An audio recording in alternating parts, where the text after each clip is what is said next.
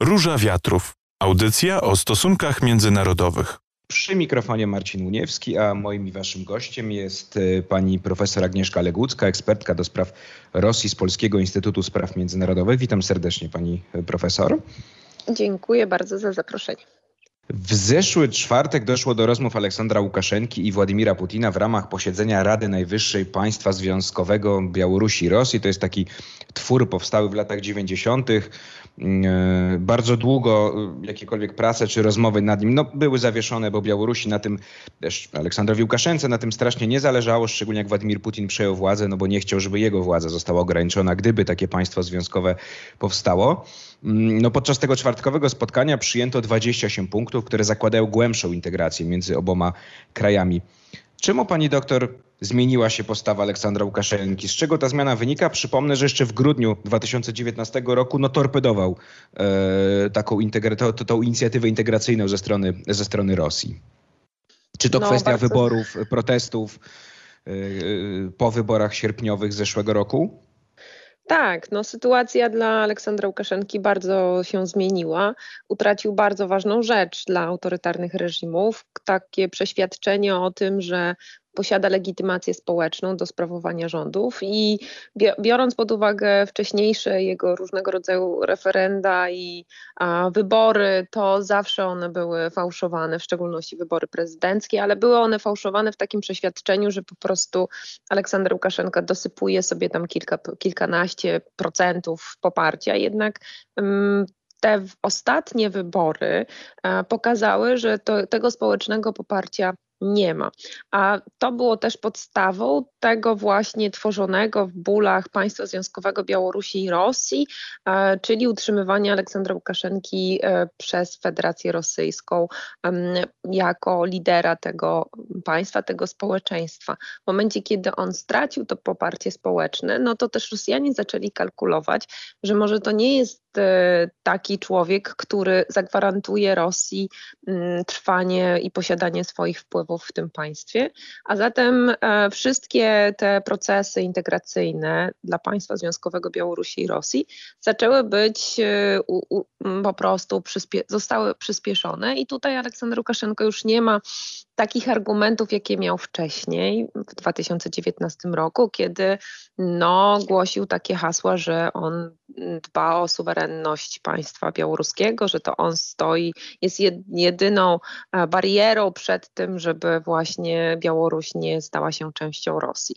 W efekcie musiał zmienić zdecydowanie swoje podejście, swoją strategię e, i teraz podpisuje wszystko, co Władimir Putin każe, ale jak e, to na niego też e, przystało i to wielokrotnie robił, ta implementacja tych postanowień białorusko-rosyjskich nie następuje w takim tempie, jakby tego sobie życzyła władza rosyjska. To powiedzmy pani profesor w takim razie, a od strony Rosji, dlaczego Rosji Władimirowi Putinowi zależy na powstaniu państwa związkowego? No de facto wchłonięciu Białorusi, gdyby faktycznie e, to, to państwo powstało. Czy chodzi, jak rozumiem, o, o przesunięcie granic Rosji jeszcze bardziej na wschód, e, na zachód, rosyjskich żołnierzy na, na zachód, a rosyjskim oligarchom pozwolenie po prostu przejęcia białoruskiej, biał, resztek białoruskiej gospodarki, tych, które jeszcze nie są tak zależne od Rosji? Czy jakieś inne powody? Częściowo już Pan je wymienił, mm, ale dodałabym też zmiany w rosyjskiej, y, rosyjskim patrzeniu na Białoruś. Przez bardzo długi czas było to takie paternalistyczne postrzeganie Białorusi, czyli takie ojcowskie, że trzeba się tym państwem e, zająć i w związku z tym te procesy integracyjne następowały. Również one zbiegały się często z wyborami w Rosji, czy parlamentarnymi, czy prezydenckimi, bo trzeba zaznaczyć, że zarówno społeczeństwo rosyjskie, jak i społeczeństwo białoruskie, białoruskie chętnie podchodziło do takich procesów, to znaczy dobrze widziało właśnie proces integracji. Więc żeby odpowiedzieć na społeczne zapotrzebowanie, z jednej strony e, pozwalano na to, żeby ten e, proces właśnie rodził się w bólach, on był bardziej oficjalny niż realny, poza oczywiście tą dziedziną obronności i bezpieczeństwa, ale o tym pewnie za chwilkę porozmawiamy. E, potem jak przyszedł Putin do władzy, to wręcz pojawiła się taka narracja o tym, że taka mm, pasożytnicza, że Białoruś pasożytuje na zdrowym ciele rosyjskiej gospodarki e, i trzeba urealnić te związki rosyjsko-białoruskie. E, po kryzysie natomiast e, teraz, w 2020 roku, no to mamy taką mieszankę. Z jednej strony mamy ponowne mówienie o tym, że Białoruś jest pod specjalnym nadzorem i Rosja powinna zareagować na to, co dzieje się Białorusi poza, znaczy dookoła Białorusi, łącznie z granicą polsko-białoruską, teraz tym kryzysem, ale jednocześnie cały czas Rosja oczekuje tego, żeby wyciągnąć z Białorusi e, najważniejsze rzeczy, czy to właśnie w kwestiach e, energetycznych, czy współpracy ekonomicznej. Przypomnijmy, że wprowadzony taki podatek, manewr podatkowy bardzo mocno uderzył w gospodarkę białoruską, czyli Rosja sprowadzając e, na Białoruś swoje surowce energetyczne, głównie ropę naftową, już nie, nie pobiera ceł eksportowych, tylko E, Białoruś musi płacić więcej z, z tytułu właśnie tego podatku. E, I to jest bardzo coś, coś, co uderza w Białoruś. Ale teraz jakby nawiązując do tego kryzysu politycznego, w którym się znalazł Aleksander Łukaszenka, no to on przedstawia wizję, że Rosja musi się zainteresować tym, co dzieje się na Białorusi, dlatego że e, społeczeństwo białoruskie i rosyjskie są do siebie bardzo podobne. A skoro coś wydarzyło się e, na Białorusi, bardzo mocno może projektować na społeczeństwo białoruskie i dlatego władze rosyjskie, aby uniknąć tutaj w cudzysłowie kolorowej rewolucji muszą, muszą pomagać temu e, przywódcy, ażeby nie stał się taki sam, nie, nie stał się taki sam los e, Władimira Putina. I to wszystko powoduje, że na dzień dzisiejszy ten proces integracji, przynajmniej też oficjalnie, bo nie zda, zdajemy sobie sprawę, że to e, te dokumenty nie przenikają do mediów, one mają charakter e, nadal dokumentów tylko z nazwy. E, pewne informacje mm, pojawiły się w mediach te zapisy tych 28 porozumień integracyjnych, ale jednocześnie one nadal są gdzieś tam mm, w takim no, przyszłościowym rozpatrywaniu, dlatego że mówi się o tym, że do tych właśnie porozumień e, trzeba będzie dopisać jeszcze szereg ustaw, które będą ure, urealniały e, tę integrację, polegającą na właśnie tworzeniu wspólnych e, przestrzeni gospodarczej, bankowej, energetycznej, wspólnego rynku energii itd., itd., tak z wyłączeniem tych spraw e, obronnych, dlatego że, tak jak wspomniałam, e, te sprawy obronne już zasadniczo Białoruś jest e, w jednym systemie dowodzenia strategicznego ze strony Federacji Rosyjskiej i armia białoruska praktycznie jest tylko z nazwy. W zeszły czwartek e, Władimir Putin i Aleksander Łukaszenka podpisali 28 punktów, które zakładają właśnie głębszą integrację.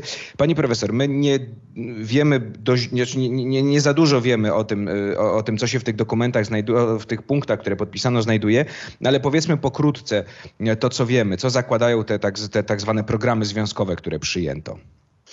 No właśnie, programy związkowe mówią o tym, że dojdzie do integracji, ujednolicenia zarówno systemu bankowego, finansowego, e, tworzenie wspólnej przestrzeni gospodarczej, finansowej, a także e, w kwestiach energetycznych tworzenie wspólnego rynku energii, e, również elektrycznej, e, energii e, z surowców e, no i ropy i gazu, prawda? Ale to wszystko powoduje, że Białoruś no, jednej z jednej strony je, będzie wchłaniana w system, który funkcjonuje w Rosji, ale też nawiązując do tego, co rozmawialiśmy, o czym rozmawialiśmy wcześniej, e, Ros, Ukra- znaczy mamy tutaj odniesienia do Ukrainy, ale, ale to zbyt y, daleko idące. Białoruś ma pozostawać państwem przynajmniej na papierze niezależnym, suwerennym i nie będącym e, pod taką władzą Rosji, jakbyśmy to sobie właśnie wyobrażali w postaci, nie wiem, guberni czy, e, czy jakiegoś protektoratu.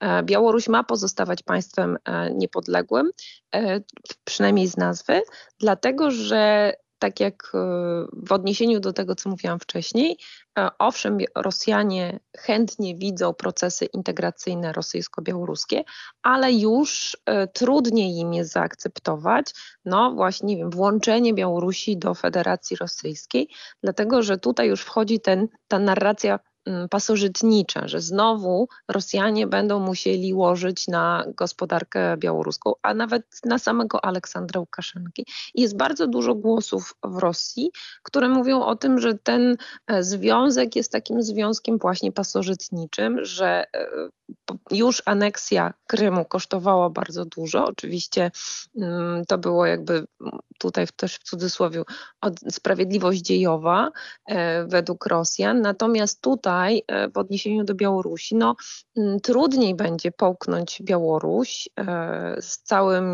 ich no, zupełnie niekompatybilnym systemem gospodarczym i gospodarką do Rosji niż to miało miejsce w przypadku Krymu. Więc Białoruś ma pozostawać formalnie państwem niepodległym, ale rosyjskim władzom zależy na tym, ażeby nawet jeżeli mm, Łukaszenko nie będzie przy władzy, ażeby utrzymać związki z tym państwem i swoje wpływy w tym państwie. Najtajniejszą częścią porozumienia to jest ta nowa czy zaktualizowana doktryna wojskowa państwa związkowego. Mm, no, z analiz ekspertów i mm, pewnych przecieków można się domyślać, pani doktor, że Kreml roztoczy, czy chce roztoczyć parasol atomowy nad Białorusią, prawda? To jest faktycznie to, co, co, co mogą zawierać te dokumenty, a jeśli coś jeszcze, to co? Proszę powiedzieć, oczywiście, mówię, bazujemy tylko na, na, na pewnych domysłach. Tak, bazujemy na domysłach. To ma być e, doktryna wojenna, miała być podpisana, ale tak jak wspomnieliśmy, to ta rozmowa była online, wirtualne spotkanie. E, no, ale rzeczywiście ta doktryna wojenna zaktualizowana, bo ostatnio była w 2001 roku, e, zaktualizowana do sytuacji bieżącej. No i już są właśnie też komentarze po stronie rosyjskiej, że prawdopodobnie będzie to dotyczyło również rozmieszczenia przez Rosję Rosję taktycznej broni atomowej na terytorium Białorusi. To wszystko powoduje, że musimy chwilę się zatrzymać na tej kwest tych kwestiach obronności, bo rzeczywiście e, to, co dałoby gwarancję utrzymania Białorusi, niezależnie czy to będzie Łukaszenko, czy ktokolwiek inny, pod wpływami Rosji na długie, długie dziesięciolecia, to oczywiście instalacje wojskowe, e, czy to bazy wojskowe i to prawdopodobnie może też w tym dokumencie już być, mogą być już zapisy o tym, jakie to będą bazy wojskowe. E, owszem, Rosja posiada swoje instalacje e, już w Hancewiczach, taką stację radiolokacyjną wczesnego ostrzegania o ataku rakietowym oraz w Jejce Centrum Łączności dla Atomowych Okrętów Podwodnych. Teraz też w ramach tych nowych porozumień ma nowe tworzyć centra łączności y, rosyjskich e, na terytorium Białorusi, ale ważne jest to, żeby właśnie zbudować stałą taką obecność wojskową właśnie, więc przypuszczam, że w, tym, w tej doktrynie e, to w jaki sposób będzie reagować państwo związkowe Białorusi, Rosji na zagrożenia zewnętrzne. Tutaj patrzmy oczywiście na działania we wschodniej flance NATO. E, to wszystko na pewno zostało zaktualizowane w takim kontekście tej polityki, która ma miejsce obecnie, czyli takiej bardzo mocno antyzachodniej, e, która buduje poczucie zagrożenia wśród Białorusinów i wśród Rosjan, że tutaj NATO czyha na e, Białoruś i na Rosję w każdym momencie. To jeszcze mamy dwie minutki, pani mm, profesor, tej części, to zapytam panią, na ile przyjęcie programów związkowych, tych 28 programów związkowych oznacza, że faktycznie integracja Rosji, Rosji i Białorusi w ramach państwa związkowego przyspieszy, a na ile no, to jest taki charakter raczej symboliczny, bo Aleksander Łukaszenka będzie robił wszystko, żeby to spowolnić. To, co pani powiedziała do tej pory, no nie spieszy mu się e, wcale.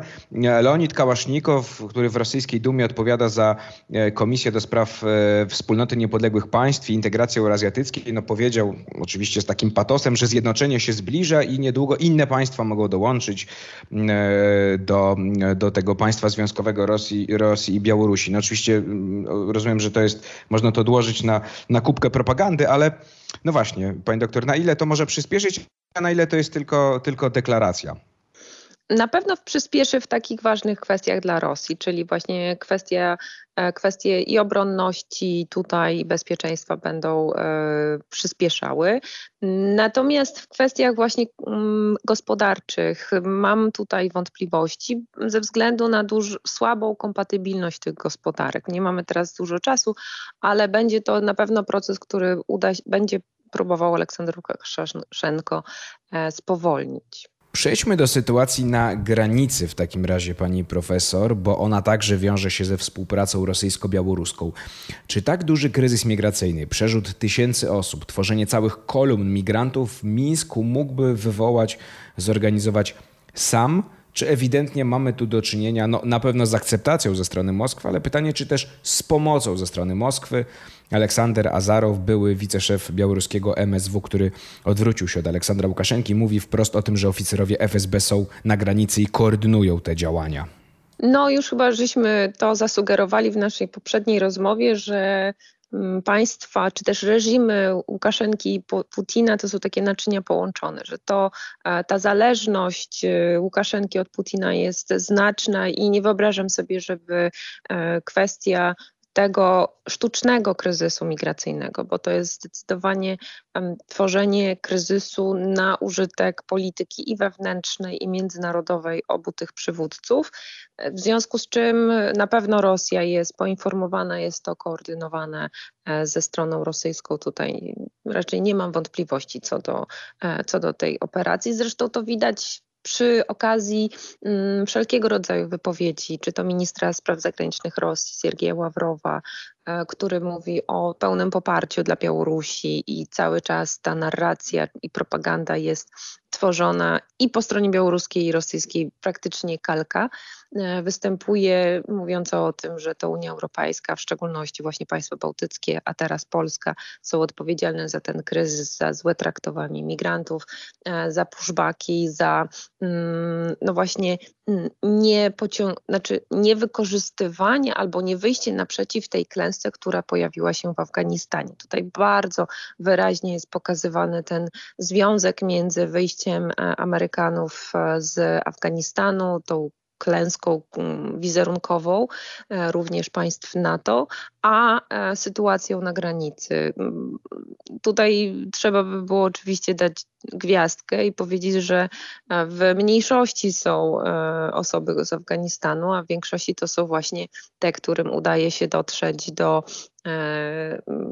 do miejsc przerzutu e, i zarówno tutaj mamy i Afrykę Północną i, e, i teraz Kurdów z Iraku e, na granicy białoruskiej, więc jest to mm, kryzys, który jest na użytek Aleksandra Łukaszenki, ale nie mam wątpliwości, że Putin o tym wie.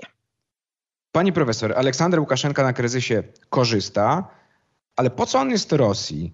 E, po co on jest Kremlowi? Czy jak zaognie się sytuacja, to Rosja wyśle swoich żołnierzy, czy zaproponuje wysłanie swoich żołnierzy na granicę, tak zwanych mirotworców i e, pokaże się jako ta siła stabilizująca, która opanowała chaos? No czy to jest, e, Rosji jest to po prostu na rękę, no bo to destabilizuje w jakiś sposób Unię Europejską, no nie tylko granica polsko-białoruska, ale także litewsko-białoruska chociażby. Na, na Litwę też przecież migranci próbowali, próbują się dostawać z Białorusi. Więc po co to Kremlowi tak naprawdę? Tak, Rosjanie e, mają tutaj konkretne też cele w wywoływaniu tego kryzysu, albo przynajmniej pomaganiu w wywoływaniu tego kryzysu. E, przede wszystkim to się wiąże z tą antyzachodnią retoryką e, władz rosyjskich, dzięki którym udaje się odwlec uwagę obywateli rosyjskich od sytuacji wewnętrznej. W październiku Władimir Putin miał już najniższe zaufanie społeczne w historii 53%. E, I tutaj wyraźnie widać, że także stracił tę legitymację albo inaczej jest w trakcie utraty tej legitymacji społecznej, tego takiego uznania, że Rosjanie też popierają Władimira Putina, już pod tą powierzchnią e, trochę wrze, w związku z czym także odwlekanie właśnie uwagi jest e, istotne. E, cała machina propagandowa jest wciągnięta w to, ażeby nie tylko odwlec uwagę, ale też jakby przekierować tę uwagę. Pamiętajmy, że tą taką częścią propagandy zwykle jest Ukraina, natomiast tutaj już widać wyraźnie, że tych punktów takich procentowych poparcia na samej Ukrainie nie zawsze udaje się zbudować, więc ten kryzys migracyjny, oczywiście w Rosji pokazywany jako głównie ze strony państw zachodnich, w tym Polski i tutaj przez kwestię migrantów i traktowania migrantów to jest pokazywane i Afganistanu, to o czym powiedzieliśmy. Więc z jednej strony to jest odwlekanie uwagi. Z drugiej strony Rosjanie wykorzystują już taką tradycyjną taktykę korzystania z, tak, z takich proxy albo spoilerów, um, którzy e, destabilizują sytuację, którzy utrudniają e, rozmowy międzynarodowe i w ogóle tworzą problemy. E, I takich spoilerów można na świecie znaleźć wielu. Rosja popiera takich właśnie, no, niektórzy to właśnie nazywają bandytami, czyli nie wiem, ale e, czy, czyli Asada w Syrii, mamy Donbas, e, mamy mm, wszystkie te konflikty takie przedłużające się na obszarze poradzieckim, e, po to, żeby występować, występować w takiej podwójnej roli. Z jednej strony wsparcia dla tych separatystów, nie wiem, Aleksandra Łukaszenki, a z drugiej strony występować z taką dobrą twarzą, twarzą do negocjacji tej, która gotowa jest właśnie zasiąść do stołu i rozmawiać na temat tego, jak zażegnać ten kryzys. Rosjanie pełnią, to jest ich ulubiona rola takiej mieszanki, e, gdzie z jednej strony są częścią problemu, ale najchętniej e, próbowaliby go jednocześnie rozwiązać z najważniejszymi państwami tego świata, czyli właśnie Francja, e, Niemcy, Stany Zjednoczone, żeby usiąść i porozmawiać na temat Białorusi. To byłaby idealna sytuacja, w której tutaj Rosjanie mogą uzyskać także wewnątrz państwa takie poczucie budowania, że Rosja wciąż się liczy na arenie międzynarodowej. E, I to, że Rosjanie nie wiem, czy będą chcieli wysłać swoich mirotworców na Białoruś, czy też na granicę, bardziej bym widziała to w kontekście zrobienia, zrobienia e, kryzysu, a potem e, dawania uzasadnienia dla właśnie wzmocnienia obecności wojskowej, czyli właśnie zbudowania e, baz wojskowych e, w Białorusi po to, żeby mm, no właśnie wykreowany kryzys był powodem reakcji ze strony państw natowskich, a ta reakcja z kolei pozwoliłaby na danie uzasadnienia dla swoich obywateli też e, przekonania do tego, że Rosjanie muszą wejść e, na terytorium Białorusi w bardziej znaczący sposób i po prostu umocnić swoją pozycję. I to już jest trzeci punkt celów, które Rosjanie chcą zrealizować, bo zakładam, oni też zakładają, że Aleksander Łukaszenko wcale nie musi rządzić długo, a w związku z tym to, co pozwala zawsze Rosji funkcjonować e, przez długi czas, niezależnie od rewolucji, nierewolucji, e, to jest właśnie obecność wojskowa. Przykładem jest chociażby Armenia. W 2018 roku e, doszło do przewrotu oddolnego, natomiast cały czas Armenia jest państwem, gdzie Rosja ma znaczne, znaczne wpływy.